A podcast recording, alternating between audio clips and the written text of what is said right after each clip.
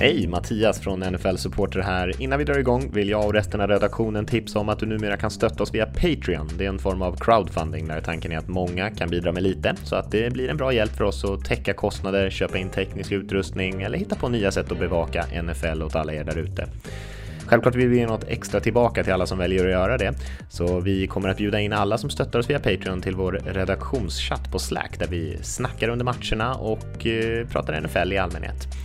Vi kommer också släppa lite exklusiva poddar, erbjuda chans att förhandsboka event och plats i våra fantasyligor och annat smått och gott. Så kolla in patreon.com nflsupporter. Patreon.com nflsupporter. Man in the shotgun has a protector this time. 43 seconds to go. Scrambles around, throws it back corner of the end zone. Santonio with a touchdown! I don't know how he did it! What a throw, what a catch, what a game! No, Mike 43, call 57. That suffocate him, make him miserable all game long. Get us the ball back. You could love him or hate him, but he was Brad. Hej och välkomna till ännu ett avsnitt av veckans NFL med Mattias Olsson, Lasse Torman och idag också Rickard Olsson. Hur är läget med er grabbar? Eh, jo men det är bra. Eh, väldigt, eh, ska man säga stressad på ett gott sätt. Eh, det har blivit eh, väldigt mycket eh, kolla fotboll eh, från typ torsdag eh, fram tills vi börjar spela in här. Både college och NFL har rullat ganska friskt. Men, men, men eh, på något sätt är det på gott sätt. För att det är lite så man vill ha det. Vissa kanske föredrar att se någon match ute på krog på söndagar och ta någon ölselfie och det kan ju vara gott så men, men jag älskar ju när det är hela tiden. Jag vill ha matcher, matcher, matcher, matcher och omkringa mig kring amerikansk fotboll så att eh, det känns jättebra. Ja, det är bra med mig också. Jag har ju haft en bye week, eller mitt Oakland Raiders har haft bye week, så söndagen var ju total stressfri. Det var väldigt eh, tacksam för en gångs skull. Ja, det var, var det två veckor sedan det var eh, London för er? Ja. Ja, det var det. Det går så snabbt ja. Du har rätt, det går snabbt. Mm. Eh, ja. ja, det var Tampa, Carolina London. Ja. Hur är det med dig Mattias? Ja men det är bra. Det är bra. Lite småsjuk men eh, annars är det bra. Eh, satt också och kollade fotboll. Eh, det blev en riktigt lång söndag. Det sa vi ju även förra att det började i 15.30 mm. med den här Bucks Panthers matchen som du nämnde Lasse. Det blev kanske inte den, den mest klina fotbollsmatchen jag har sett i mitt liv. Men det var ändå ganska trevligt att bänka sig rätt tidigt. Ja, man är lite så här tagen på sängen. Eller det känns lite som att komma undan med något gott när man ser NFL så tidigt. Liksom, mm. Hur kunde jag få det så här bra? Tycker man mm. inte på måndag morgon när man har liksom sträckkollat och bara rinner ur ögonen. Nej, så är det ju. Eh, vi ska eh, faktiskt återgå och kolla lite grann på vår power ranking idag tänker vi.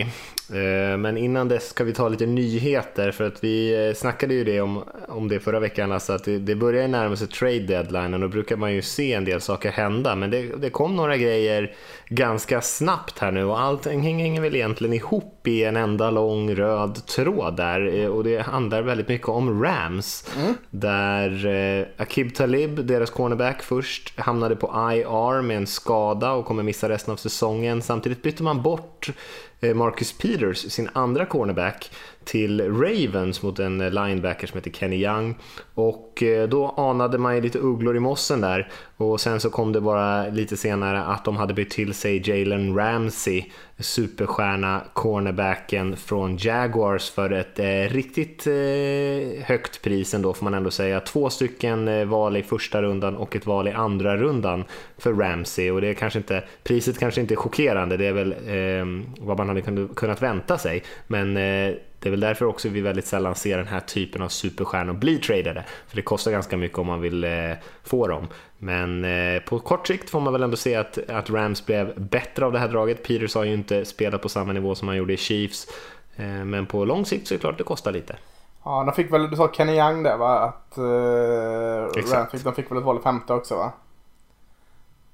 Ja, jag tror ja det. exakt. Det är, jag tror att det är någon conditional på den här femte. Men, ja, just det. Men det var lite mer där. Ja, eh, jag tänkte spontant.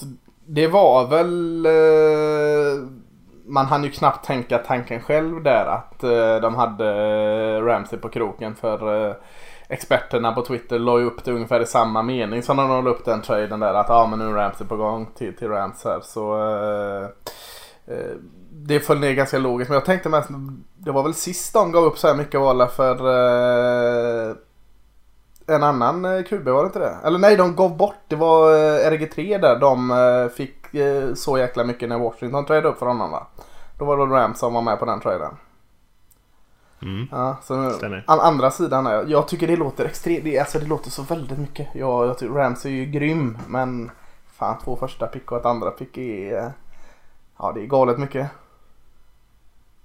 Ja, det är Mm. mer än vad Oakland fick för Khalil Mack. Eh, Ja, vilket ja. jag är lite bittert då tycker. Eh, jag förstår liksom att man är aggressiv men eh, sen är frågan om han är liksom den, den sista pusselbiten som ska få det här laget att kunna utmana om en Super Bowl i år igen.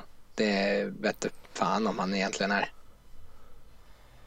Ja, jag såg en sån här winners losers kolumn på nfl.com. Eh, det är ju populärt att skriva den typen av grejer och då var det någon som hade lyft fram losers, eh, Rams offensiva linje, där man också haft ganska mycket problem och nu kommer det ju bli betydligt svårare att eh, stärka den offensiva linjen. Man har ju en QB, Jared Goff, som, som jag tycker har mycket gott i sig, men som kanske inte är den bästa quarterbacken Eh, när det händer väldigt mycket runt omkring honom och han inte har riktigt har förutsättningarna där med pass rushen kommer och eh, attackerar honom. Och han har ju kastat en hel del interceptions när, sedan den här offensiva linjen började spela betydligt sämre.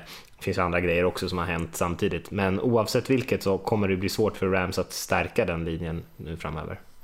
Ja, det är ju draften som, som men eh, det tar ju sin tid också att implementera linjespelare inom draften. Är oftast, det är oftast år två man kanske kan räkna in dem eh, som starkt bidragande om man inte heter typ Quentin Nelson. Så att eh, det ligger en helt klart en poäng i det. Ja, och ska de plocka en tackle med de valen så är det ju tungt eftersom att de inte har något i första, i första rundan då. Så det blir Nej, liksom, precis. de har ju varken, varken draftkapital eller liksom löneutrymme sen att kunna investera i sin offensiva linje ordentligt. Så vi ser ju hur det ser ut i lag som typ New York Jets som har totalt bortsett från att eh, prioritera sin offensiva linje hur dåligt liksom hela laget blir bara på grund av det. Ja. Eh, på Ja, med. det är väldigt svårt, det är nästan som en quarterback där. Det är väldigt svårt att hitta till exempel en, en dominant left tackle eh, utanför första rundan. Eh, det händer såklart, men oftast är de ändå högt då i så fall, kanske tidigt i andra rundan och sådär. Det är väldigt, väldigt klurigt att hitta dem i mittenrundan av draften. Ja, utan att ha någon statistik på det så känns det väl som att det har varit mer liksom lycka med quarterbacks längre ner i draften än, än left tackle längre ner i draften. Alltså så svårt är det. Eh, är min spontana tanke. Sen så finns det ju såklart siffror på det också. Men det känns som att man pratar oftare om en QB som eh, har växt upp från tredje rundan och blivit bra. Eller andra rundan än, än en, en left tackle. Liksom. De, de är oftast eh, topp 15. Ja. Vad eh, säger ni om, eh, för det finns ju en annan story kring Jalen Ramsey, det är ju det här med att han är, har ju lite diva-fasoner för sig. Han har ju många som säger att han har hållit sig borta från laget med flit här, kanske hitta på anledningar att inte komma och träna och inte spela matcher och sådana här saker. Och det säger ju en, kanske lite grann i alla fall om hans karaktär så där. Finns det några röda flaggor där som Rams bör oroa sig för att eh, man har fått kanske lite ett stort ego på halsen här? I LA dessutom. Vad, vad, vad tror du om det Rickard? Ja, eller alltså, han är väl ett stort ego. Men eh, jag, jag sa ju det när jag pratade om Tony Brown. Det gick ju åt skogen det i och för sig. Men de här bästa spelarna är ju oftast liksom på gränsen mellan att vara eh, idioter eh, med liksom sin divighet och självsäkerhet. Eh, och så länge de håller sig bra där så, så kommer de ju fortfarande kunna prestera. Han är ju en fantastisk spelare. Liksom. Håll honom nöjd så kommer det vara skitbra. Men det är väl kanske en fråga om hur man ska hålla honom nöjd. Ja, och, och secondary spelare framförallt är ju De är där, vad heter de små hundarna som eh, man har i handväskor liksom eh, Chihuahua. Ja, jättesmå men skäller hela tiden och de har ju också jäkla ego, ska tuffa sig och så är de, gömmer, kryper de ner i handväskan när det börjar blåsa till. Eh, De är ju rena rama motsatsen till Sankt Bernhardshundarna på offensiva och defensiva linjen. Mycket, mycket ego, mycket bling och, och, och skällande men eh, inte så tuffa annars. Så att, eh, ja, det kan vara bra också. De ska ha stort ego. De behöver det. Ja, nej, jag håller med där. Jag tror att det ska vara kan man inte hantera stora egon som NFL-coach så kanske man ska söka ett annat jobb för att utan spelare, om man inte har några spelare med ett stort ego i sitt lag då eh, kommer man inte ha ett särskilt bra lag tror jag. Nej. Sen så får man ju hålla det där till en rimlig nivå. Man kan ju inte ha ett, ett helt lag av eh, spelare som spelar mest för sig själva. Men eh, Ramsey har ju levererat i NFL så förhoppningsvis så kliver han innanför Rams och gör det bra. Men som Rickard sa där kanske inte lösningen på alla deras problem. Vi fick ju se lite annat, vi har pratat ganska mycket om eh, unga quarterbacks, backup quarterbacks och ganska mycket rotation på dem, den positionen i år. Vi har ju nu eh, efter vecka 6 som vi ska säga några ord om här snart, som nyss spelades, Eh, fått lite situationer som har uppstått här och där. Josh Rosen eh, har ju blivit bänkad nu i Miami Dolphins, Dolphins till fördel för Ryan Fitzpatrick, Fitzmagic som han också kallas, och Marcus Mariota i Titans har också blivit bänkad här inför vecka 7 eh, och Ryan Tannehill ska starta där, gamla Dolphins-kuben. Eh, så att det är lite som händer ändå. Mariota är väl den stora storyn egentligen. Eh, han har ändå fått gott om tid och ta den och jag vet inte Ricka, vi kanske ska släppa lös dig först där för du har ju varit våldsamt kritisk till Marcus Mariota när du har varit i podden här. Eh, ja, jag tycker att det är bra att de äntligen går vidare från honom och låter Tannehill spela. eh, alltså Mariota, det såg ju bra ut som sagt mot Falcons, men alla ser bra ut mot Falcons. Nu, eh, Sitter med ett Grinch-leende gör du när du pratar om detta Ja, det, det, det, det gör jag. Det rycker lite i läpparna, jag kan inte förneka. Eh, Men eh, alltså, mot Broncos var han ju verkligen bedrövlig. Sen spelade hela Broncos försvar fenomenalt, men han är ju verkligen, det var så tydligt att han verkligen inte är lösningen när saker och ting inte funkar. Så eh, det är skönt att de äntligen inser det. Tannehill är det med andra ord.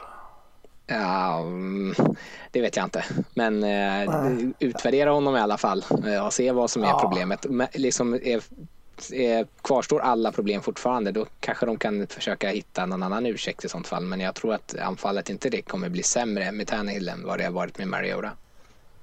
Nej, jag har ju tagit försvarssidan på Mariota då för jag känner att eh, den lös med sin frånvaro här när Rickard eh, gick loss. Så, men här står, håller jag med. Det, liksom, det, det känns såklart fullt rimligt att testa något annat. Eh, om inte annat för eh, säsongen som kommer. Eh, är det dags att kanske drafta en ny QB? Ska vi se över annat? Kanske Ryan Tannehill kan få igång det. Har ju ibland faktiskt varit väldigt, väldigt bra eh, och haft väldigt mycket otur med skador. Så att, nej, det känns faktiskt väldigt naturligt. Han var väldigt dålig mot Broncos. Eh, men nu säger jag efter precis allt du säger. Men Broncos försvar var ju också väldigt grymt. Men, men ja, Tannehill, nej. Det, är- det är kanske inte lösningen men det är inte Mariota heller. Nej, tuff vecka för eh, draften 2015, draftklassen där, med James Winston som gick nummer ett och Marcus Mariota som eh, gick nummer två.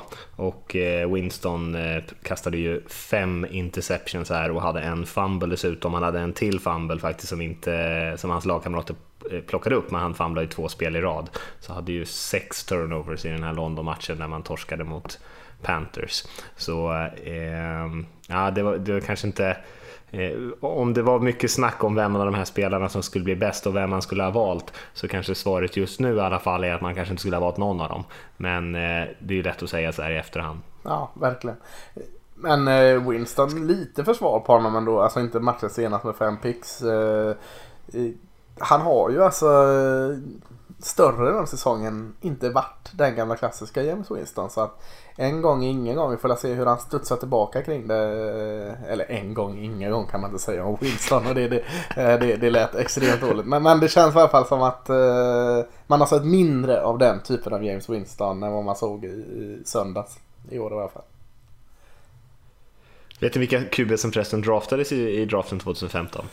Eh, du skulle säkert säga det. Var det Andy Dalton då eller? Nej, det var tidigare. Nej, det var lite tidigare tror jag, 2014, kanske till och med 2013. Eh, nej, det var ju Winston och Mariota och sen var det Garrett Grayson som gick till, eh, till Saints, eh, som jag tyckte var ganska intressant i och för sig. Och sen hade vi Sean Mannion, Bryce Petty, Brett Hundley och Trevor Simeon.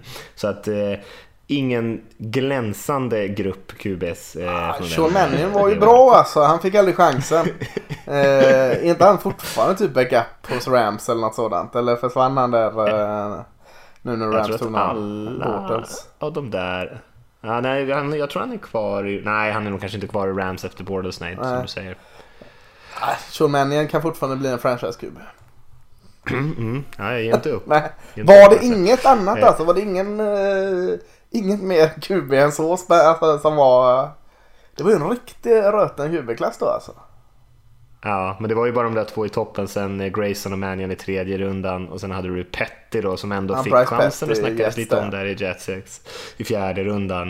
Eh, men han gjorde ju eh, totalt bombade ju. Ja. Och Brett Hundley spelade ju när Rodgers var Ja, skadad just för. Packers UCLA där nästan en där. hel säsong. Och han är ju Ja. inte, jag tyckte inte att han gjorde inte det jättedåligt men eh, han är ju inte heller riktigt starter eh, starternivå på honom. Nej. Vad, sitter du med den draften framför dig eller? Eller är det bara en QB i draften? Mm.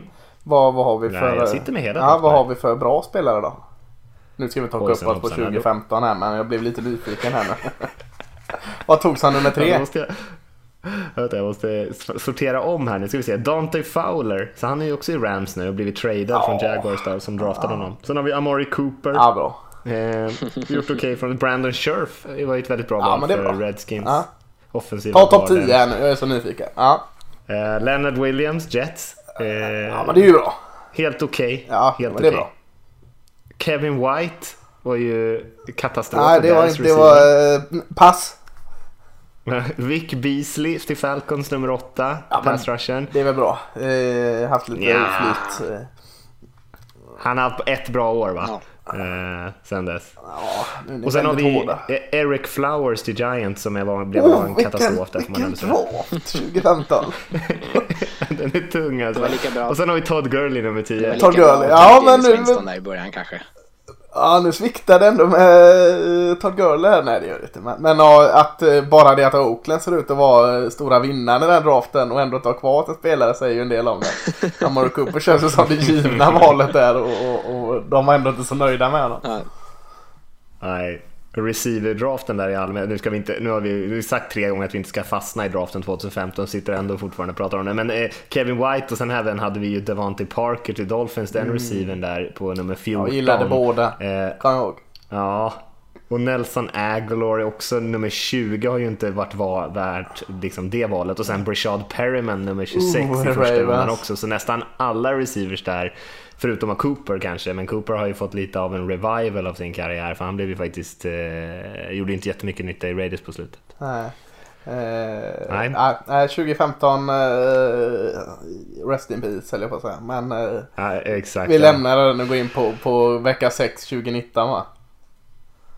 Jajamän, det, är nog, det känns lite rimligare och mer Ja. aktuellt. Eh, Men eh, alltså, vi kanske kan hoppa lite mellan lite olika matcher där som vi tyckte var Ja. intressant. Jag tycker inte att vi behöver göra någon så här heltäckande recap Nej. av det. Men vi kan ju nämna, vi har redan sagt lite om London-matchen där Panthers vann och eh, Bucks bara öste turnovers omkring sig. Slarvig eh, match som inte blev så där jättekul att se på. Jag var ändå ganska imponerad av Kyle Allen det jag såg, även fast han fick en hel del gratis där. Men tycker han är stabil. Det finns potential i honom tycker jag. Jag är fortfarande imponerad av Chris Goodwin alltså. Eh, Mm. Eller Godwin. Eh, visst, eh, Winston öste turnovers men han öste också bollar till Godwin och Godwin fångar dem. Och, ja, det var, han är faktiskt en bra i år alltså. Han bär mitt, mina två fantasylag kan jag säga. Eh, Ja, vi har en egen podd om fantasy. Vi behöver inte prata om fantasy. Hatar det när det kommer in så här liksom att folk sitter. Ja, ja, mitt Panthers förlorar. Men jag hade ju ändå Chris Godwin i laget så det gör inte så mycket i mitt fantasy-lag. Det var exakt en sån Ja, match. kan vi inte lämna det åt Bucks. gjorde ju fan inte ett skit nytta, men Godwin hade öst upp stats ändå. Inte mer sånt. än- Då pratar jag hellre om draften 2015. Eh, fast annars var intressanta matcher. Man kan, Texans Chiefs sa vi på förhand skulle kunna ha potential att bli en riktigt trevlig match, mycket offensiv och det blev det också. Ja. Texans pantade inte på hela matchen, det blev ju lite av en shootout. Eh, Deshaun Watson spelade jättebra såklart. Och Patrick Mahomes som fortfarande höll på och har lite strul med den här skadan som han har. Eh, Ja, men det känns som gjorde två kanske skador inte nu. Det är både axel och, och, och ankel. Är det ju, nu, nu börjar han eh, bli som en sån här skadeskjuten kråka här alltså. eh, halta runt och ta sig om armen, ta sig om benet. Alltså hur är, hur är det med Patrick Mahomes egentligen? Det är framförallt ankeln som är problemet tror jag. Ja, men jag tror det var en axel som besvärade han också. Det kanske jag sa för att han förlorade men, men eh, eh, det borde ju läggas mer krut vid. Alltså en, en halv Patrick Mahomes och, och Chiefs känns inte så jättespännande. Nej, då är de ju inte mycket att höja och hurra för om inte han är hel Nej. och kan spela ordentligt. Men eh, Tyreek Hill var ju tillbaka och gjorde det visserligen bra med Mahomes där, så att eh, men, men ja, jag tycker man ska vara ganska orolig för det. Hur, hur många matcher Ja, har på kort- eh, kort sikt, Hur många matcher har Oakland upp till då nu? Är det en eller? eh, ja, det är det väl va? Ja, Eh, vi måste väl sitta och hoppas lite på en eh, ännu mer haltande av Mahomes här. Eh, Oakland tar hela ja, divisionen. såklart. Eh, Ja. Det är tråkigt, han är ju fortfarande väldigt underhållande att titta på så det är inte objektivt. Men det är väl klart att jag inte Ja. kan heja på att han ska läka fort. Han får gärna vara skadad resten av Du säsongen om får säga det. Vi behöver inte vara så uh, rumsrena här. Nej. Du får sitta och hoppas på. inga men för livet men han får stå över säsongen. Du får, du får säga Precis, det. ja. Det får han gärna göra. Ja. Ja, Chiefs har två raka förluster hemma på Arrowhead nu Mm. och det är ju, alltså du har pratat om eh, Mattias om att det är, dugga tätt med bortavinster där men, men KC är ju en sån match man, man ofta gärna säger och så reser de till Arrowhead och spelar borta mot Chiefs. Det är inte lätt. Nu har de två raka förluster hemma där eh, också. Det är ju oroväckande. Mm. Nej, nej, men visst. Det, och det har ju sammanfallit med, med Holmes skador, så det har ju säkert en del med det att göra. Men som vi, som vi sa här också efter de hade startat så i det här höga tempo, tempot att det är ju en klassisk Andy Reid-grej. Hans lag gör alltid det, startar säsongerna i ett våldsamt tempo. De startar ju någon säsong 8-9-0 eller något sånt där också, något år där de sen inte gjorde så mycket väsen av sig i slutspelet. Så det är ju inte ovanligt och särskilt hans anfall kommer ut och de är bara så otroligt många steg före alla andra defensiva coacher. Och sen så brukar det lugna ner sig lite, lite mer ju längre säsongen lider. Jag tror de kommer vara bra om Holmes är frisk så kommer de vara bra ändå. Men eh, det är alltid lite extra i början av säsongen när det gäller Chiefs och Andy Reid. Och det är ju klassiskt, lika klassiskt att jag sväljer det varje gång med hull och hår och liksom eh, köper det rätt av. Eh, men men, men eh, om vi ska prata om, eh, vi ska inte hugga upp alldeles för mycket matcher, men, men Houston Texans så eh, är det ju typiskt sådana här matcher som de har förlorat innan. De har haft jättesvårt mot just Chiefs och de här stora matcherna har de haft tufft. Men så det känns lite som eh, mer än bara en vinst utan någon liksom så här att en vändning hos Houston Texans här. Eh, Jag tror de kan ha eh, riktigt mycket vind i seglen efter den här vinsten. Ja, det känns ju som en riktig sån här statement-vinst. Mm. Liksom att vi är, vi är på allvar. Vi spöar inte bara massa sopiga lag utan vi kan faktiskt vinna mot, mot favoriter Precis. på en, jävligt- en väldigt svår plats att spela på. Så eh, nej, det, de, de kan nog slå sig lite för bröstet nu. Ja, ja jag tycker det i alla fall. Ja, de har svettigt mot AFC South, eh, Chiefs, för det var väl eh, divisionskompisen Colts som spöade Chiefs eh, veckan innan också. Så Ja, båda lagen från AFC South, här, Texans och Colts, har ju slagit Chiefs. Och i den divisionen är det ju eh, rätt så tight ändå. Det är ju ingen som är helt såld. Titans och Jaguars ligger lite efter där med två vinster, men eh, de är ju ändå fortfarande med i racet på något sätt. Absolut. Eh, vad, ska vi hoppa till någon annan rolig match? Eh, vad fanns det där? Man kan ju nämna, säga lite om, tycker jag, om Eagles Vikings. Eh, fortsatt mycket i den eh, stil som vi har sett, att Vikings anfall fungerar ganska bra mot eh, lite sämre försvar och Eagles försvar, framförallt secondaryt, passförsvaret, har ju varit en jättestor svaghet för dem, så Kirk Cousins gör ännu en bra match här nu. Stefan Diggs med flera långa touchdowns, han hade två touchdowns över 50 yards Eh, och de vinner i utklassningsstil egentligen mot Philadelphia. Ja, och det, det, var, det var så de hade lyssnat på, på vår podd här. Vi, vi föreslog ju här att lösningen var mer mer rollout, mer play action och, och eh, hålla Eagles effektiva defensiva linje lite på tårna och, och, och frågetecken. Och det var ju lite av det de gjorde och, och cred till Kirk Cousins som fått en hel del skit innan. Jag tyckte han gjorde en jätte jättebra match. Han gjorde precis vad som eh, krävdes. Eh, kanske lite till dessutom. Eh, och Diggs som, som gnällde för att det var hemskt att spela receiver i, i Vikings för bara några veckor sedan. Tycker nog inte alls. Och fick han tre TD-pass eh, av Cousins och ett par riktigt mäktiga bomber som satt på läppen. Eh, så det är ju lätt att säga liksom. Ja, det är ju enkelt att bomba ut på Eagles som har ett väldigt stukat secondary nu. Alltså, jag tänkte på det. Det syntes tydligt att Nagels när Eagles som, som märk, de vet ju själva om de, de, de, eh, att de just nu inte är kvalitet där bak. Körde väldigt mycket man-man, eh, eller vad säger jag, zonförsvar i sekundäret och gjorde det jättedåligt tycker jag. Alltså de släppte så tydliga ytor. Malcolm Jenkins, Russell Douglas och vad heter han, Sidney Jones. Ingen av dem liksom. Man såg sådana tydliga att de blev brända liksom. Eh, men eh, det jag skulle komma till var att eh, Eagles defensiva linje är ju så pass bra fortfarande så att du måste ju ändå liksom skaka av dig den för att ens kunna lägga, för att kunna bränna Russell Douglas. Och, och, och det till typ den planen följde de och gjorde jättebra. Eh, och allt eftersom så gav ju det också Delvin Cook chansen att springa så att det var en väldirigerad vinst då av eh, eh alla våran älsklingscoach Zimmer där.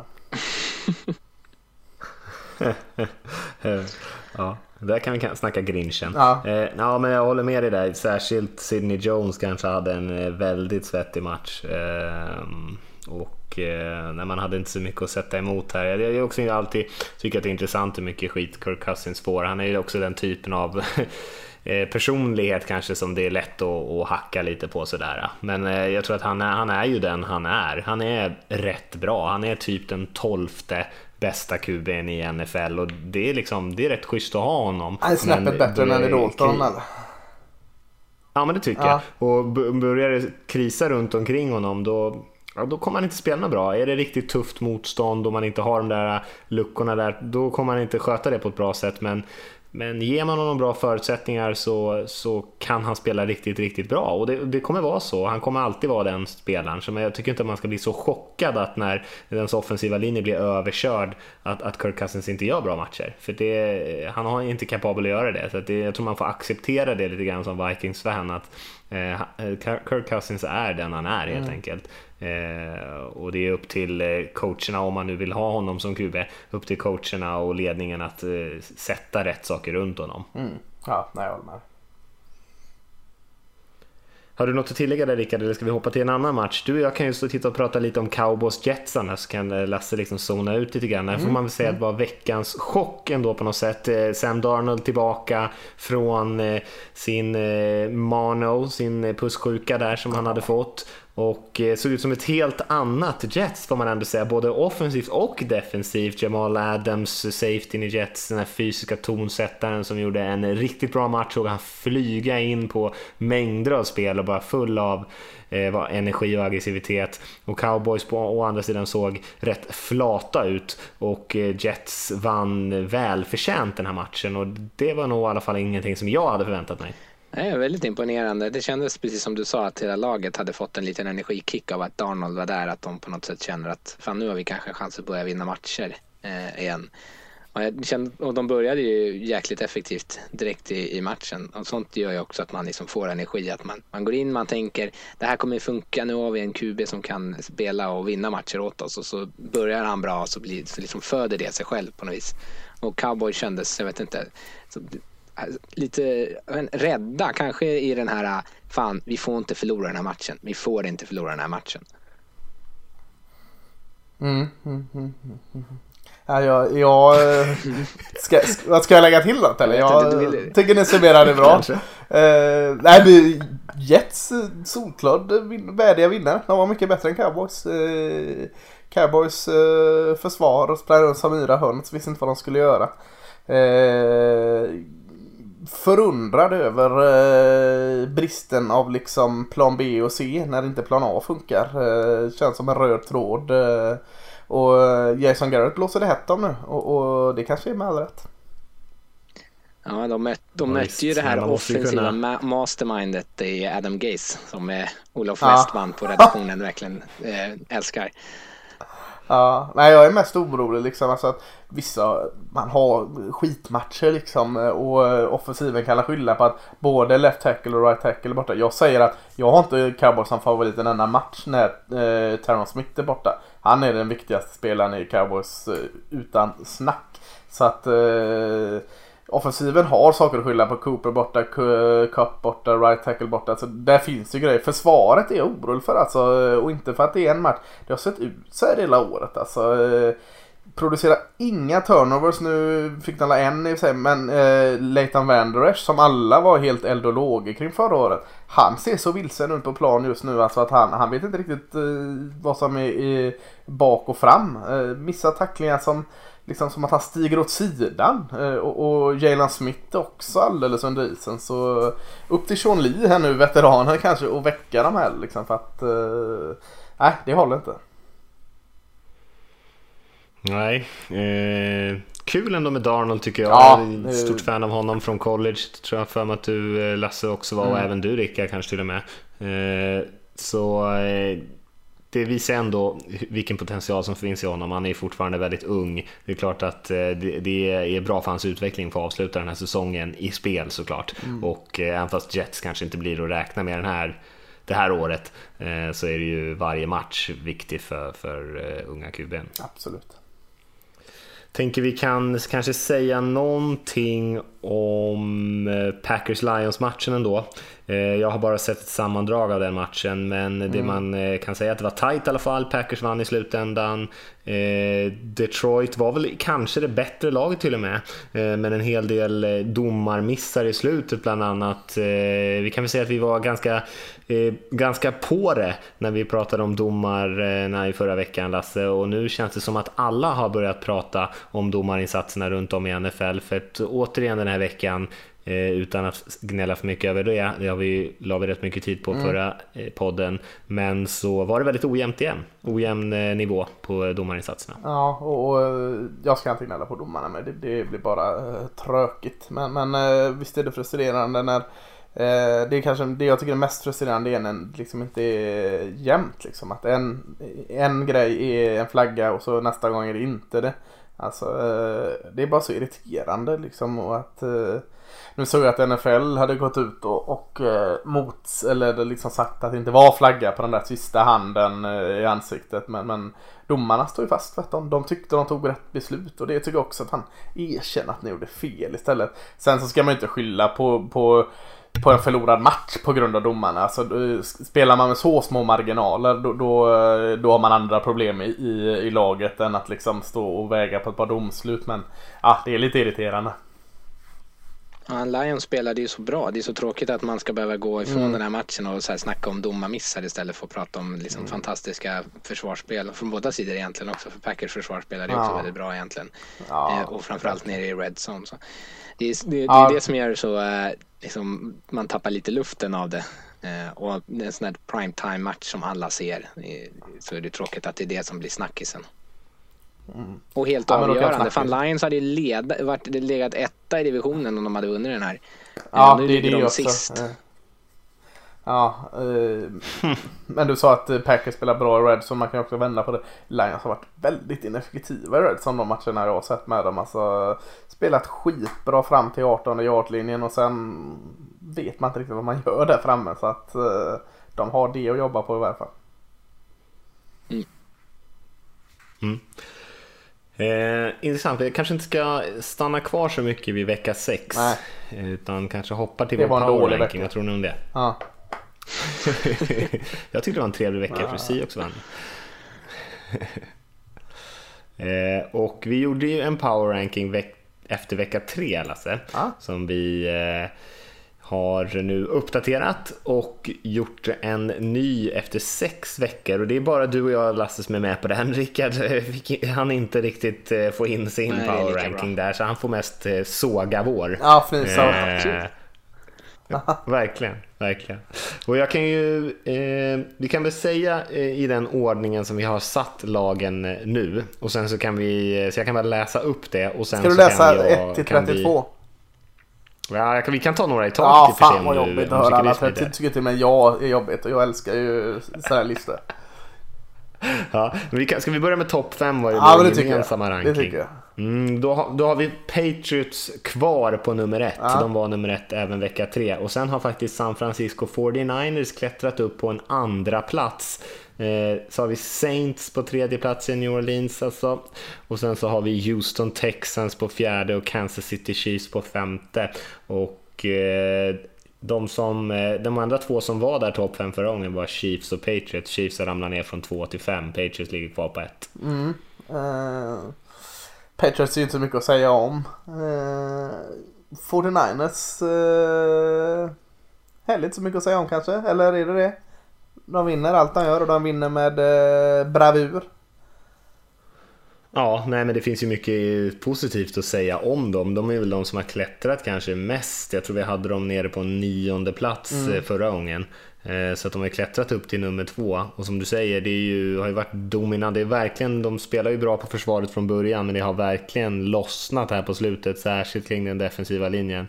Eh, och det som vi sa som förra veckan med lite nycklar i, inför vecka 6 var ju att man skulle visa att man faktiskt kunde passa bollen lite grann också. Och det var väl lite si och så med det. Det var inte superimponerande, men man eh, gick ut och faktiskt slängde runt bollen betydligt mer än vad man gjort tidigare och vann den matchen, i, som du sa, övertygande ändå. Mm.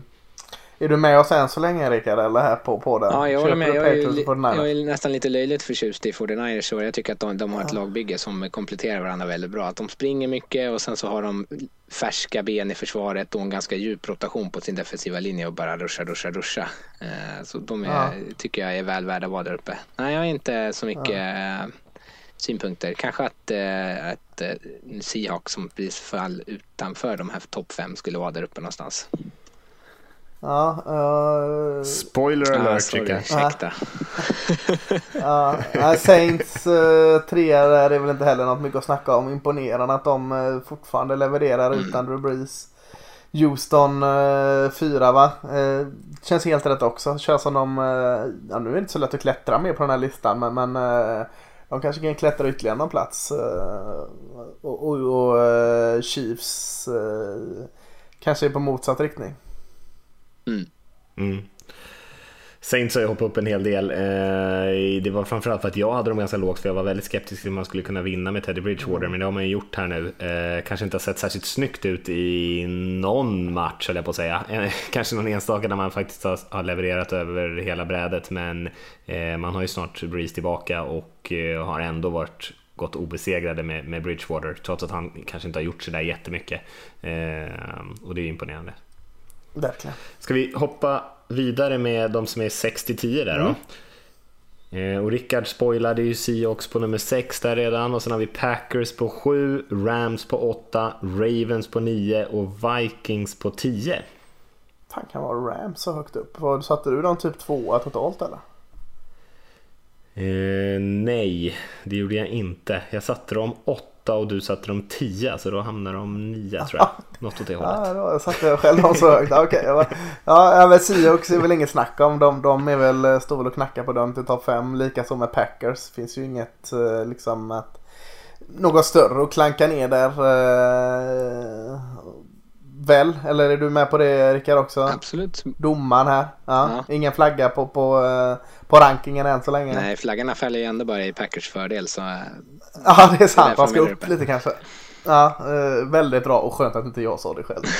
eh, eh Rams är lite högt här alltså. Ja, det håller jag med om. Både ja. Rams och Ravens tycker Man jag är kan kolla om vi... Ja.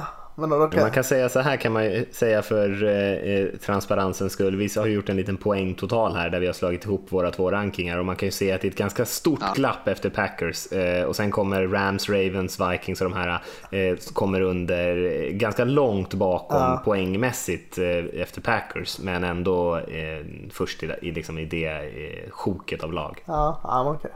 Okay. Nu sa du ju massa lag här. Ja, det kanske du sa. Vad, vad var vi på? Ray... Ja, de, ja, exakt. Vi hade kommit ner till Vikings. Ja, just det. Raven, uh, Ravens. Uh, mm, känns också lite högt. Men nu fick lite vind i seglen här med, med vind senast igen här. Visserligen mot Bengals. Men ja, kanske att vi var lite för låga på Vikings. Ja, kanske. Ja, vad säger du Rickard? Borde Vikings vara före Rams och Ravens? Jag vet inte, de, jag håller med Mattias. De har ju haft eh, verkligen toppar och dalar.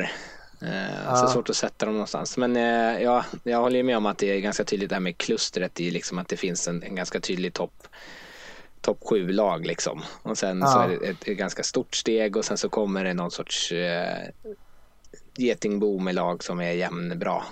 När jag tittar Ja. på de andra som kommer bakom här så är det ju inte som att jag tycker att något är självklart bättre än vad Ravens är. Nej, ja, men det känns bra. Eh, vad kommer bakom eh, Mattias? Då har vi Carolina Panthers, Philadelphia Eagles, Buffalo Bills, Chicago Bears, Dallas Cowboys. Kan vi ta där? Ja, eh, Panthers. Eh, fan, de känns ändå som de är på väg upp. De, de eh, spontant eh, skulle jag nog vilja se lite högre själv. Men, men eh, ja, lite mer kontinuitet där kanske också. Men det Jag är gillar att du säger sådär med tanke på att de, anledningen till att de är så här lågt är för att du rankar dem så lågt och jag rankar dem betydligt högre. Var det Du så? ännu lägre ner. Så här. kanske blanda ihop Du dem med hade dem tre platser lägre till och med än vad de är nu. Jag hade dem eh, vad fan, en hel del mycket högre, fem platser högre Oj. än vad de hamnade nu. Ja, kanske blanda ihop dem med något lag. Det var så stressande skulle göra den här rank. Kanske, ja. eh, ja eh, skäms. Ja, men då, det, då, då går jag på den här att, som ni sa, att det är en klump här av lag. Eh, vad sa vi? Panthers, eh, Vikings, Ravens och Rams känns ungefär som samma eh, form och samma liksom, ranking just nu. Eh, sen är det Eagles före Bills. Jag tycker ni är låga på Bills. Ja men det är ju min grej i år. Ja. Det måste ju vara det. Mattias vet jag inte vad han kan försvara det men... men Han har ju rankat dem bättre än vad de är placerade. ja, han har det. Ja men det är att jag, jag måste Ja. hålla i Bills här lite. Dra ner dem lite. Eh, De, de, de får inte springa iväg här nu. Det, det klär inte en Bills-supporter att börja göra eh, segertecken och sånt. Eh, eh, jag håller dem på jorden. Det, det kommer de tacka mig för sen. Men då hoppar de inte ner och slår ihjäl sig Ja, på jag fel bord ju- kanske. Nej precis. Nej, jag hade ju både Bills och Panthers topp 10, men, eh, men jag tycker inte det är så mycket skillnad på de här lagen, precis som du sa Lasse. Det är ganska... ehm, alltså jag tror att eh, Panthers, om de får tillbaka en frisk Cam Newton så skulle det kunna vara eh, ett lyft för dem. Eh, kommer han tillbaka lite småskadad så kan de nog lika gärna starta Kyle Allen tror jag. Philadelphia Eagles har ju en bra trupp och det är ju, de har ju en väldigt tydlig svaghet. Det kan ju möjligtvis vara så att man lyckas eh, bromsa det lite grann. Eh, I Bills tycker jag de har en en naturlig begränsning i att deras QB inte är tillräckligt bra. Eh, och där är jag kanske lite tuff, men det, det tycker jag ändå. Så eh, de, för mig så kan de aldrig komma riktigt, riktigt högt upp, men de har saker som är väldigt, väldigt bra. Tydlig begränsning med QB är ju Bears bakom dem också såklart. Men, men de lever ju med, i sina bästa stunder på ett eh, magiskt försvarsspel. Eh, så de, de kan ju Ja. hoppa upp på grund av det där. Cowboys, eh, ja, eh, de är där i samma bollpark som Eagles och och som har nedåtgående trend. Och rankade 15 kanske är rimligt då eftersom de var väldigt högt rankade sist. Typ fjärde, fjärde eller något så att man kan ju inte falla allt för mycket. Nej, det är samma sak där känner jag som med Eagles lite grann. Det är liksom bra trupp, men det klickar inte just nu. Eh, Cowboys har kanske ännu färre riktigt tydliga svagheter som Eagles har. Så att jag tycker faktiskt att det är konstigt att de spelar så dåligt. Ja. Eh, och jag tror att det kommer, det är lite coaching kanske, det är därför Garrett sitter på den, den heta stolen just nu för att han har ett bra lag, han borde kunna få ut mer av det, men man lyckas inte riktigt få det att klicka och sen så är det, blir det kanske den här typen av matcher som, som Rickard pratade om där att eh, man får inte riktigt den här starten man vill ha, Jets rivstartar och Cowboys kanske inte är det laget som ska kasta runt bollen hur många gånger som helst och jaga i underläge utan det kanske inte är det man är bäst på och så blir det lite matchbilder som, som rinner en ur händerna lite grann. Men jag tror att det finns mycket mer att ge. Jag tror en av det, om jag ska peka ut ett lag som har chans att klättra så skulle jag sätta Dallas Cowboys som kanske främsta kandidaten. Inga kommentarer på det. Nej, lika bra. Nej. Ska vi fortsätta vidare? Ja. Så har vi Detroit Lions, eh, Indianapolis Colts, Cleveland Browns, Jacksonville Jaguars, nu bara kör jag här, Oakland Raiders, Pittsburgh Steelers, Tampa Bay Buccaneers kan vi sätta stopp. Oj, mycket gott här nere tycker jag ändå. Uh, uppåtgående. Uh, Lions först ut där va. Uh, ändå Exakt. lämnar med positiv smak eh, efter den matchen mot Packers här, trots förlusten. Så att eh, jag var ju het på Lions redan innan eh, säsongen här så att eh, de kan nog klättra lite till. Samma med Colts känns också visserligen väldigt mycket varannan, varannan matchlag kanske. Och det är ju Cleveland Browns som något lag eh, blandar och ger. Så att, ja, det är väl... eh, Är det så värst mycket skillnader från egentligen lag typ 11 till ner och prata Colt, Browns, Lions. Alltså det, det är det getingboet fortfarande väl? Ja. Jag tycker Jaguars hamnar ganska högt upp jag här. skulle dra... Ja, det gör de ju. Jag skulle sätta en gräns efter Browns där egentligen när vi... Eh, för det kommer ju från Cowboys i förra sjoket där till Lions, Colts, Browns. Sen skulle jag nog sätta ett litet streck om jag fick bestämma. Eh, och sen så kommer liksom Jaguars, Raiders, Steelers, de här lagen efter där eh, som kanske inte är lika seriösa utmanare. Jag kan ändå tänka mig att de här andra skulle kunna sätta ihop det och, och utmana lite grann. Eh, jag är ledsen för den. Ja, vi leder ju snart divisionen för fan.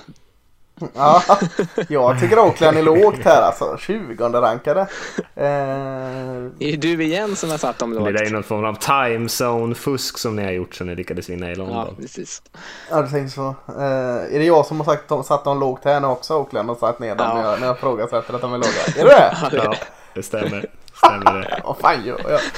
Eh, Men du, är inte det, kollade du på för, vecka tre-listan här med betyg här? Nej. Nej. Nej. Nej, jag köper inte det. Du har bytt namn på våra listor. Hur jävlas med Lasse så bara byter alla siffror. Ja. Hans. Ja jävlar, jag satte dem som nummer 25. Ja, förskräckligt. Ja, vad jag förstör. Vad jag förstör. Ja, eh, Steelers. Eh, ja, eh, känns som Oakland Raiders fast... Ja, mer problem kanske. Jag vet inte.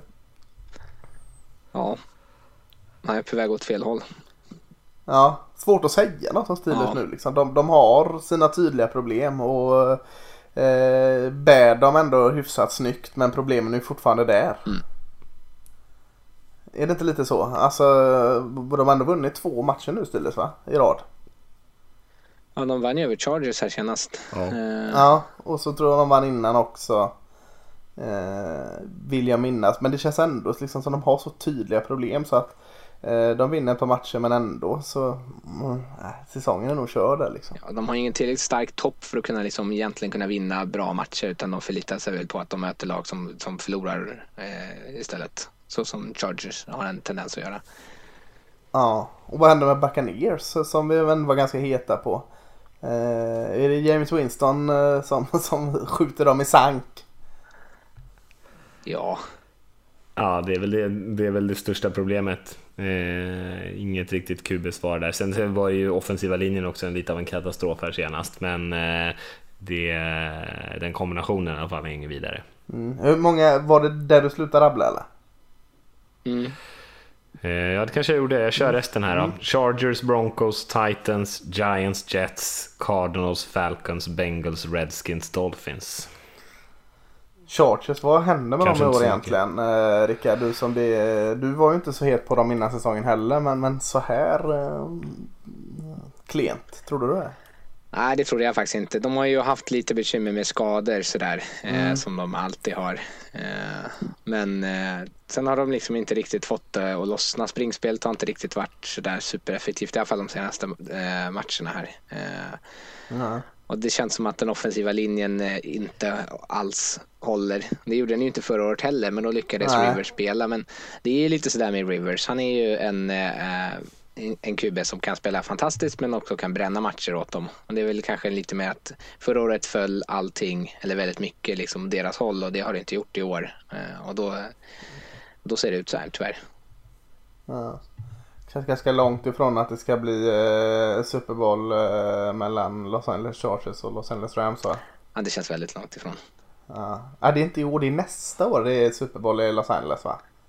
Ja, det kanske det är. Tror jag. Ja, då, har då, då är det lugnt. Ja, den är ju inte ens färdigbyggd förstås, att det inte är i år. Nej, nej, det är klart. Ja, det det är ju ett år till bort. Det har varit grymt. Ja, ja, Denver Broncos två raka vinster. Känns lite kul eh, Broncos. Eller kul Mm. var fel ord. eh, Men, eh, spännande att eh, försvaret börjar spela som man hade räknat med. Måste känna lite hotad underifrån där Rickard.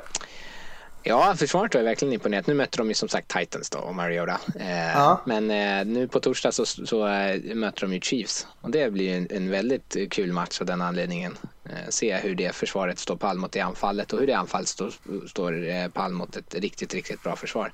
Eh, Men Mm, man, jag ja, tror inte man ska räkna bort något av de- här lagen egentligen i FC West. Jag tror att den kan, om Mahomes inte är helt skadefri och han dras lite med problem, då är, kan den här divisionen sluta nästan hur som helst. Så, alltså som det ser Mm. ut just nu i alla fall. Sen kommer ju säkert Raiders falla platt i ansiktet och Broncos också snart. Ah, jag...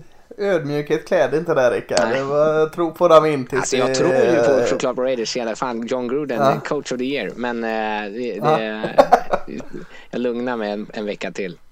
Jag har varit, är med om det här förut, att man står och hypar upp allting och sen så, så bara, vad fan hände här? Vikings spöar oss med 1000-0. Ja, minns tillbaka till halvlek på London-matchen så, så andas du ut lite och kommer ihåg hur det kändes då. Ja, herregud. Mm. Mm. Eh, vi, vi ska lämna den här power ranken tänker jag, men vi kan eh, nämna bara Arizona Cardinals där nere har ju två raka vinster. Eh, har ju klättrat upp några platser från näst sist till femte sist i alla fall, så det är ju stort för dem. Och sen så har vi Falcons där nere i botten som är eh, Ditt kanske Falcons, årets... får vi inte glömma ja. Ja. exakt. Som jag försökte supporta, som är kanske årets en av årets stora besvikelser i alla fall. Eh, anfallet spelar ju fortfarande rätt bra. Man gjorde en jättebra match senast anfallsmässigt och Matt Ryan spelar ju väldigt bra fotboll. Men eh, försvaret är ju en total katastrof, särskilt passförsvaret. Eh, och Cardinals gjorde ju 33 poäng på dem, eller 34 poäng till och med. Eh, någon av de två senast. Så att, eh, ja. Ja, mitt Jets är Men- före ditt uh, Falcons i powerrankingen. Mm. Känns Så gott. det kan man ju i och för sig påverka om man känner sig, om man tycker det är viktigt. Ja. kan man ju ranka dem hur högt som helst. Jag påverkar tydligen saker jag inte alls tror på så att eh, jag vet inte vad jag sysslar med. Ska vi lämna powerrankingen? Eh, vi lär väl uppdatera den där eh, en eller två gånger till innan den här säsongen är slut. Ja, kanske det till och med. Kanske det till och med. Och kika lite grann på vecka sju. Det finns ju lite intressanta matcher där. Eh, vi kan väl eh, börja med någon som du har kikat lite extra på Lasse. Ja, eh, jag tänker eh, du tyckte att det var ljummen match när jag sa att jag tyckte vi skulle prata om den. Men det är i, på Soldier Field i Chicago. Eh, Saints med 5-1. New Orleans eh, åker och möter ett eh, Bears 3-2.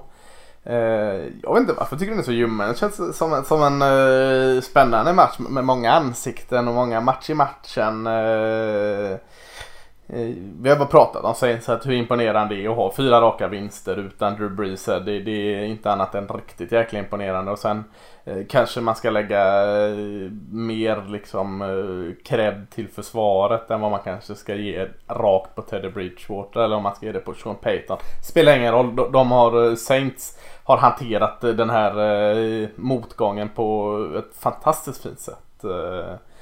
Såg senast här hur eh, Gardner Minshew som är lite poppis och gillar nu eh, såklart. Han är en profil och färgstark spelare. Eh, blir ju jagad sönder och samman av Saints försvar senast när Saints slog Jacksonville. Och ser liksom inte att eh, Chicago Bears offensiva linje eh, eller om det är nu Mitch Trubisky som är tillbaka ska liksom stå pall bättre just nu så att eh, Saints dealen mot, eh, Bears O-line eh, slash QB tycker jag är en, en jättespännande match i matchen här. Hur, hur planerar Bears för att eh, liksom neutralisera Saints dealen just nu. Eh, Sheldon Rank är tillbaka där, det är jättekul att se. Eh, sen vet jag inte riktigt eh, vad, vad, ska liksom, vad ska Bears göra för, för liksom att skaka av sig den senaste dåliga formen här. Eh, Bears med sitt fantastiska försvarsspel eh, i sina bästa stunder. Eh, jag tänker spontant att liksom Elvin Camara. Eh, måste vara någonting man lägger krut på för att det kändes som när de mötte Oakland i London där så brakade ju allt samman. Så Oaklands Oakland såg jättebra ut i springspelet. Joshua Jacobs såg jättebra ut. Såg väldigt enkelt ut när han sprang. Eh, så får det inte vara igen. Jag tror man får chansa lite att Teddy Bridgewater, Teddy Bridgewater kanske inte bombar ut på Michael Thomas lika mycket som Drew Brees gjorde. Att, ah, lägga äggen i Elvin Kamara-korgen kanske så, så får, det, får det vara någon plan A. Mm. Låter väl väldigt klokt tycker jag. Eh, så får vi se vad, vad anfallet eh, kan bidra med i den här matchen Mm. i, i Bears. Det är ju eh, man får ju åtminstone inte göra så mycket misstag som man har gjort tidigare och liksom ge bort matchen så kanske försvaret kan få chans att vinna den åt dem. Ja, men Bears har ju de här alltså matcherna där deras försvar är helt jäkla fenomenalt bra. Liksom. Det spelar ingen roll liksom, hur bra ett, en offensiv är. Eh, Bears försvar är på det här humöret att eh, fan de är överallt samtidigt och alla stopp på en gång. Eh, de måste, det är klart man bara kan klicka på den men, men de måste i alla fall hitta tillbaka till den känslan igen. Den känslan har de inte efter den här eh, snöpliga Oakland-förlusten.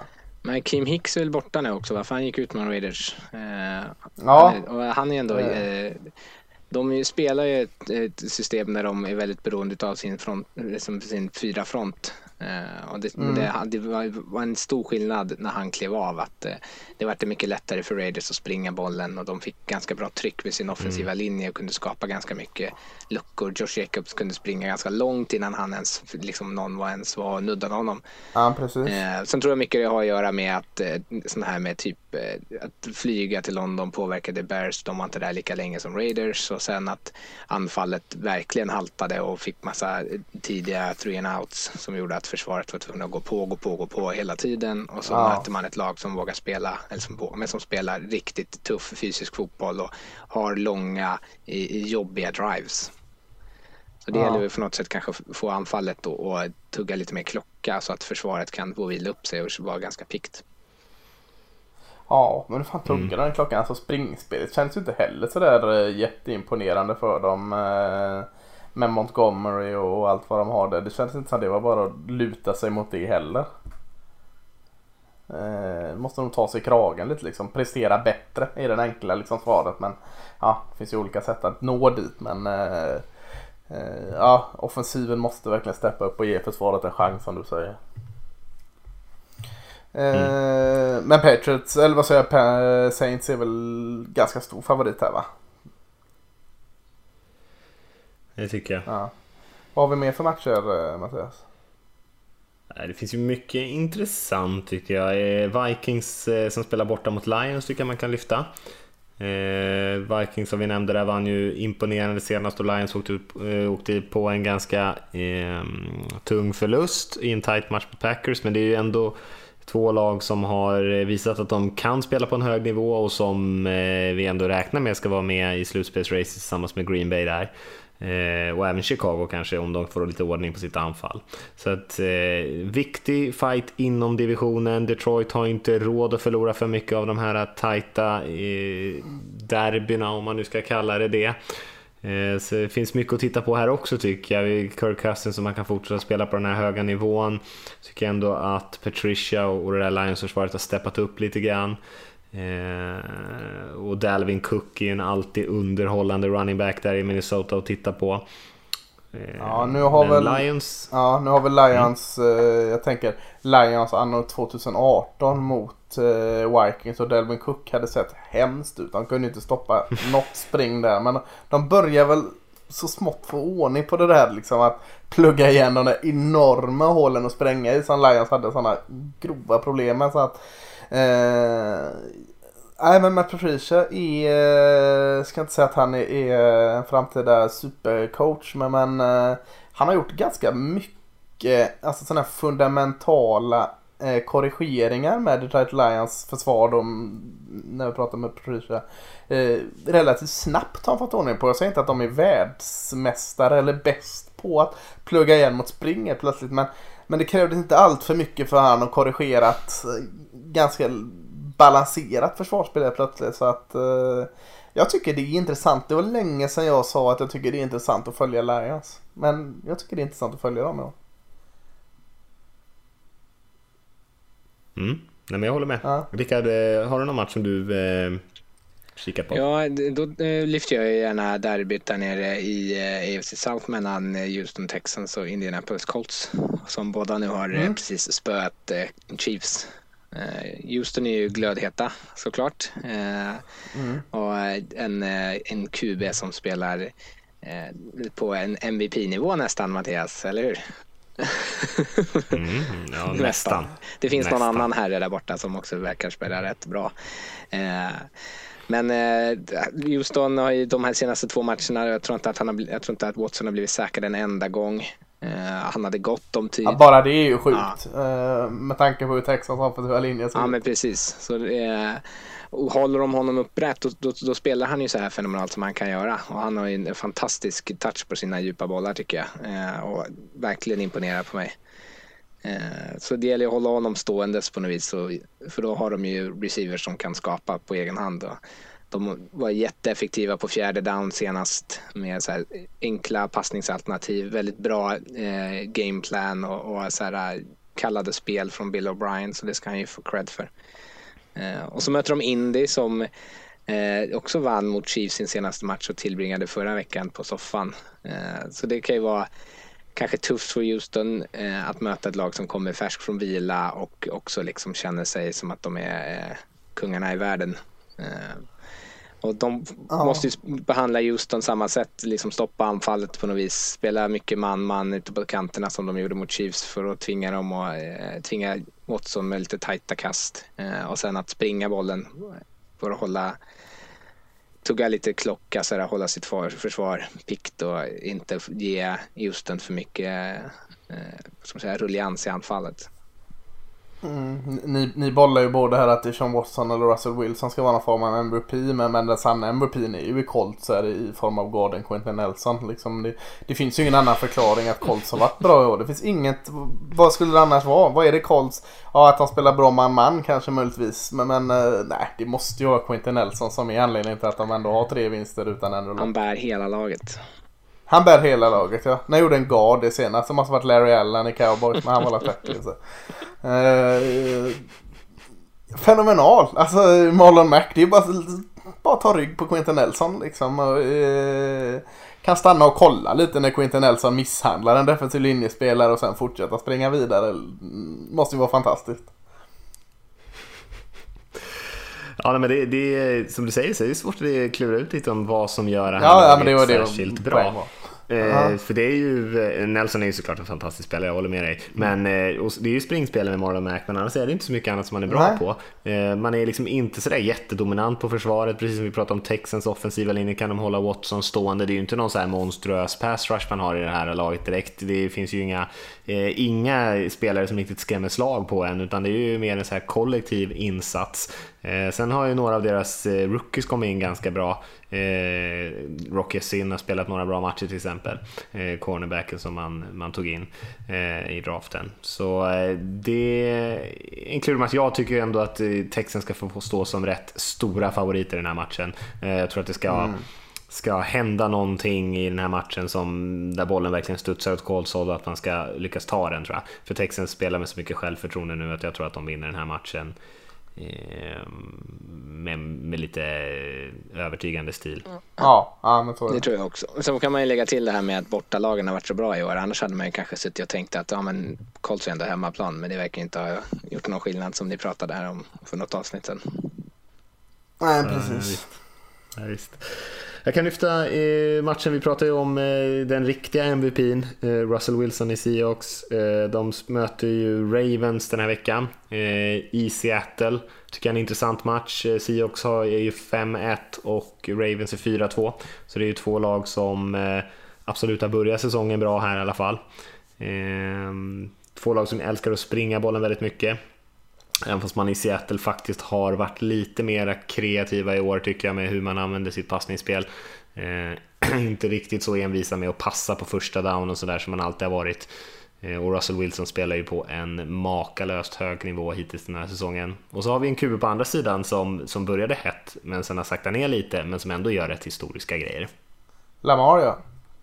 Mm. Uh, ja, svårt att inte liksom eh, hänga med på den hypen. Som du säger, han har saktat ner. Det kanske inte är eh, världens bästa QB eh, på gång här. Men eh, bra QB och framförallt rolig. Eh, och så är, gillar man ju hans stil alltså, på de här presskonferenserna. Så han är, känns väldigt likeable på alla sätt. Så att eh, sitter ju lite och hejar på Lamar Jackson ändå. Ja visst, nej, han är ju våldsamt underhållande och eh, jag tror han sprang för 150 yards i senaste matchen. Eh, utöver mm. att han passade en hel del också. Eh, och det är ju, jag tror att det är andra matchen som han är över 100 yards rushing själv bara den här säsongen. Så att han eh, gör ju en del grejer som vi inte har sett förut egentligen. Eh, och det är rätt coolt och med, med den kombinationen running back som man har i övrigt med, med Edwards och Ingram så är man ju det bästa springande laget i NFL skulle jag säga. Eh, och egentligen utan någon riktig konkurrens.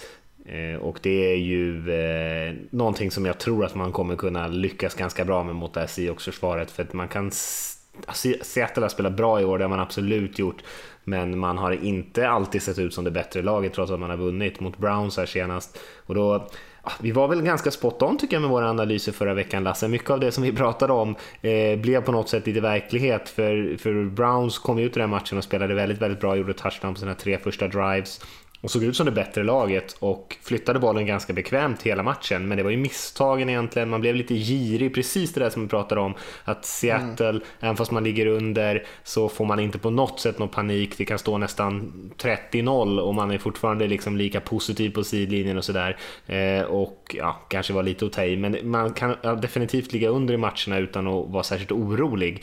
Och det var man inte här heller. Och sen helt plötsligt så hände det några spel där Browns för det första drog på sig massa flaggor, bjöd på turnovers, fumblade i special teams och den typen av grejer som, som gör att Seahawks ändå kunde klättra sig tillbaka i matchen och till slut vinna. Och eh, så har det sett ut i många Seattle-matcher. Man har inte varit dominant, man, är, man har ju byggt sitt lag genom att eh, Eh, man tror ju väldigt mycket på att hålla matcherna jämna och sen att man är bättre än motståndarna i slutet av matchen. Så det blir ju sällan utskåpningar i Seattles fördel. Eh, så att jag tror att Ravens har en väldigt god chans att vinna den här matchen i Seattle. Ja, jag tycker du är lite blyg.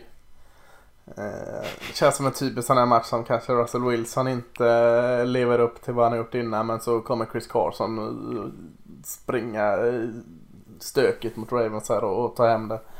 Uh, jag tycker de har så mycket som funkar i Seattle just nu. Uh, väldigt lite som inte funkar framförallt på den offensiva sidan av bollen. Så att uh, Nej, jag tror Seahawks tar detta och då spelar det ingen roll om det är på borta eller hemmaplan. Jag tycker de är ett bättre lag. Ja, jag vet inte hur Ravens ska kunna stoppa mm. ett anfall. Alltså när man tittade på hur, hur horribelt det såg ut det bara förra veckan mot Bengals också. Alltså, nu vart de inte totalt överkörda, men att Bengals ändå kunde flytta bollen eh, alldeles, alldeles för enkelt och nästan kunna bita sig tillbaka in i matchen. Eh, det, det känns oroväckande tycker jag.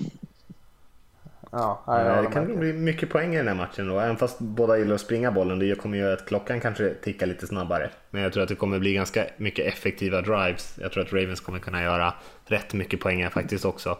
Eh, som sagt, Seahawks försvar har inte varit dominant utan lutar sig ganska mycket på att man har kunnat producera lite turnovers och sånt. Och Lamar kan man ju säga vad man vill om han Hans accuracy och valplacering ibland eh, kan ju vara lite upp och ner men han eh, bjuder ju sällan på interceptions i alla fall. Så eh, jag tror att det kan bli ganska mycket anfallsspel i den här matchen. Nämnde du att eh, Earl Thomas är tillbaka? Oh, det Just är det. ju kul. Återvänder till Seattle. Ja, ja det är mm. kul. Han har ju inte sett sådär superbra ut de senaste matcherna för, för Baltimore tyvärr. Sist han lämnade planen i Seahawks var med ett finger upp i luften va?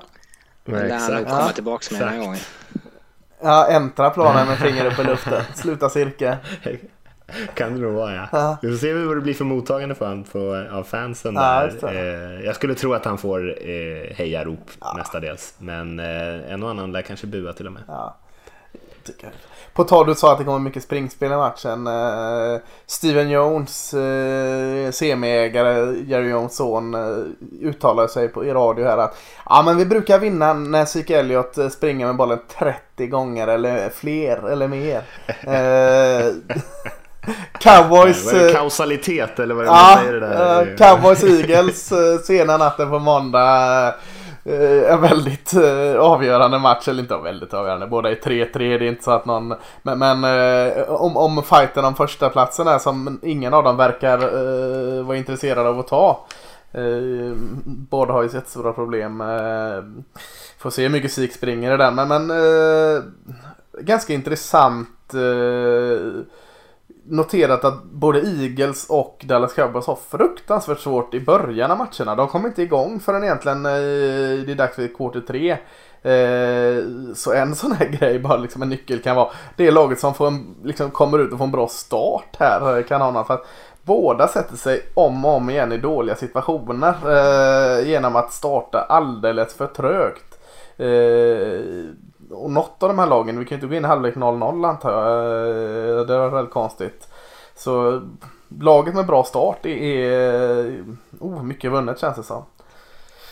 Eh, sen Eagles pass rush mot Cowboys O-line eh, får man ju ständigt ta upp som någon, någon, form av match i matchen när de här två lagen möts. Eh, sist såg det ju bedrövligt ut mot, mot uh, Jets utan Terron Smith och utan uh, right tackle L. Collins. Uh, kan bli brutalt. och så är ju Eagles har ju sett bra ut mot springspelet där så mm, Kanske får springa musik 40 gånger då för att hitta någon form av nyckel till framgång. Om det är nu det man vill syssla med. Ja, men så, så har vi varit inne på det med Eagles också att deras secondary just nu inte alls funkar och de, det har varit lite sådana här viskningar om att Jalen Ramsey eh, trade för honom till Eagles och nu är inte det verklighet så nu, nu står man ju här med det man har. Eh, om de inte hinner trada till sig något annat vad det nu skulle vara. Eh, nu vet jag inte riktigt hur statusen är på Amari Cooper. Han, han tränar ju inte än om han är tillbaka. Men annars så får man ju försöka köpa sig tid åt Dak Prescott. För då, då kan man bomba på Cooper och, och Gallup och, och uh, hitta uh, Cobb och möjligtvis om han är frisk där. Uh, sådana form av nyckel för dem. Uh, ja, jag vet inte riktigt vad vad Eagles offensiv gör dock. Jag, jag förstår mig inte riktigt på dem. Eh, jag tror det kan komma någon form av reaktion från Eagles här. Eh, att de, de, allting faller på plats. Använd Zach Ertz mer. Låt honom lura våran just nu eh, veliga linebackergrupp i Cowboys. Och så har man mycket vunnit. Sätt bollen i händerna på skillspelarna snabbt och låt dem ta yard efter catch. Det, det, det är väl vad jag skulle göra om jag var Eagles. Ja, det är, det är kul med det där med, med, som du säger med Steven Jones där och kommentarerna kring springspel. Det är alltid roligt när det kommer upp sådana där på typ Twitter eller mm. Facebook mm. så kommer det alltid in några som ska alltid säga så här. om du tar ett knä tre gånger i fjärde kvarten så är det 99,9 procent chans att vinna. Ja. Eh, och man menar ju då såklart att i matcher där man leder så springer man ju bollen mer och ja. därför blir det liksom, det är inte, man vinner inte matcherna för att man springer utan man springer för att man vinner matcherna. Liksom. Man tänker man säger det... det med glimten i ögat, det framgår ju inte liksom. Att, Nej, det, det går ju inte att jag läsa. Jag hoppas att det är glimten i ögat. Jag vill inte sätta mig och se Zeke Elliot bara springa 30 gånger och så bara in i en vägg 29 gånger liksom. Uh, Analytics-gänget fick väl en så här kollektiv hjärtattack också när han Callahan som tog över i Redskins sa att uh, det viktigaste för han är inte hur effektivt deras springspel är, det viktigaste är hur många gånger de springer bollen. Uh, och då fick de väl också så här Eh, då ramlar de väl ihop bara en stor hög och dog på, på plats alla Analytics-nördar. Sjukt roligt. Eh, men ni lär ju gå in i den här matchen och kasta bollen kan man ju tänka sig. Ja, det, alltså, det vore idiotiskt att springa, eh, alltså satsa all kort på spring just den här matchen. Mot ett bra springförsvar och ett bedrövligt secondary. Varför liksom? Det finns ju ingen anledning. Nej.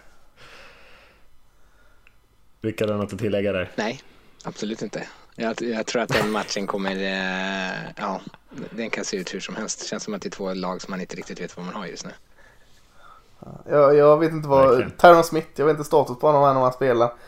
Spelar han så vinner Cowboys, spelar inte han så vinner Eagles. Det handlar det om. Alla andra analyser eh, kan ni slänga ut. Mm. Får man slänga in en match här nu som, ja, som jag tycker kan vara lite kul? Släng in den. Eh, Cardinals Giants. Eh, kanske inte den som ni hade tänkt att jag skulle ta där, men ja. ändå Kylie Murray i nummer ett picket mot nummer eh, sex picket eh, i eh, Danny Dimes där. Daniel Jones i Giants, kuben. Eh, två ganska kul anfall tycker jag. Jag tror att det kan bli en ganska rolig match. Eh, kanske inte så har så mycket med toppstriden att göra i slutändan. Men eh, jag tänker att man kunde slänga in den här och lyfta den. Eh, Cardinals och Giants har ju faktiskt spelat lite bättre. Det, det är ju inga jättebra lag, men eh, har ju spelat bättre de senaste matcherna än vad man, hur man började säsongen i alla fall. Patrick Peterson, är han tillbaka ja. nu eller? Ja, det är ju kul att se honom också, hur det kan påverka deras försvar. Ja, cornerbacken. Ja, cornerback i Cardinals. Jag tänkte också när, när Lasse sitter och pratar om Tyron Smith här tio gånger också. Eh, left tacken i Cowboys. Som att eh, alla vet vem det är. Alltså. Men eh, det är kanske många Lasse tjatar ju fan om honom hela tiden. Så. Ja, jag tänkte också det. Så att, eh, jag måste också säga Tyron Smith tio gånger så att jag inte Quinty Nelson tar in här nu på min, liksom, eh, min O-line ranking. Eh, så, så left tackle i Dallas Cowboys, Tyron Smith, fortfarande varmt, varm i mitt hjärta. Hade vi någon mer match där Rickard? Är det någonting som du känner att eh, man vi ska nämna? Det är ju ganska många matcher annars som inte är så här superspännande. Det kan bli kul att kolla på Patriots mot Jets-matchen där på måndagen. Eh, inte kanske för att Jets kommer ha en jättestor chans, men eh, divisionsmatcher är alltid tuffa. Eh, lite extra motiverade av att det är prime time match. De är lite hypa nu efter att de spöade Dallas. Kanske kan vara någonting att de ändå... I New York. Ja, eh, i New York. Eh, Ja men se hur Sam Darnold följer upp Ja, också. men är ganska precis. intressant. Mm. Se ifall de kan liksom hålla lite, eh, hålla den här krigstrumman eh, igång eller inte. Eller om eh, Patriots, vilket man kanske förväntar sig, bara trycker ner dem på plats och visar att vi är storebror fortfarande. Oroa er inte. Oakland Packers Lite har av ett pratat test kanske för...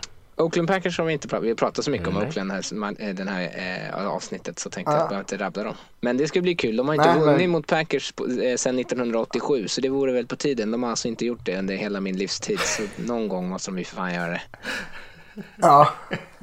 Det är helt sjukt. Ja, jag hejar på, jag är alltid på, eh, jag hejar, sen 1987 har jag alltid hejat på Raiders när de möter Packers. Mm. Jag ska göra det även på söndag. Tack, tack för stödet. Du kan, hur många matcher är Jag tror det att det bara är sju det? Det- matcher behöver så det är inte har så mycket. Eh, men ändå, Raiders det allergi mot slutspel har gjort att de bara har mötts under regular season och det gör man inte så ofta. Nej. Nej. Mm.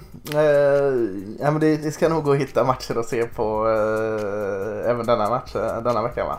Absolut. Ja, jag skulle tro det va. Eh, nej men då tycker jag vi rundar av för nu har vi också börjat köra ett ganska långt avsnitt här. Så att eh, vi säger så för den här veckan. Eh, tack Rickard och Lasse. Tack, tack, Tack till dig själv. Tack för att ni har lyssnat. Vi eh, hörs nästa vecka allihopa. Det gör vi. Ha det bra.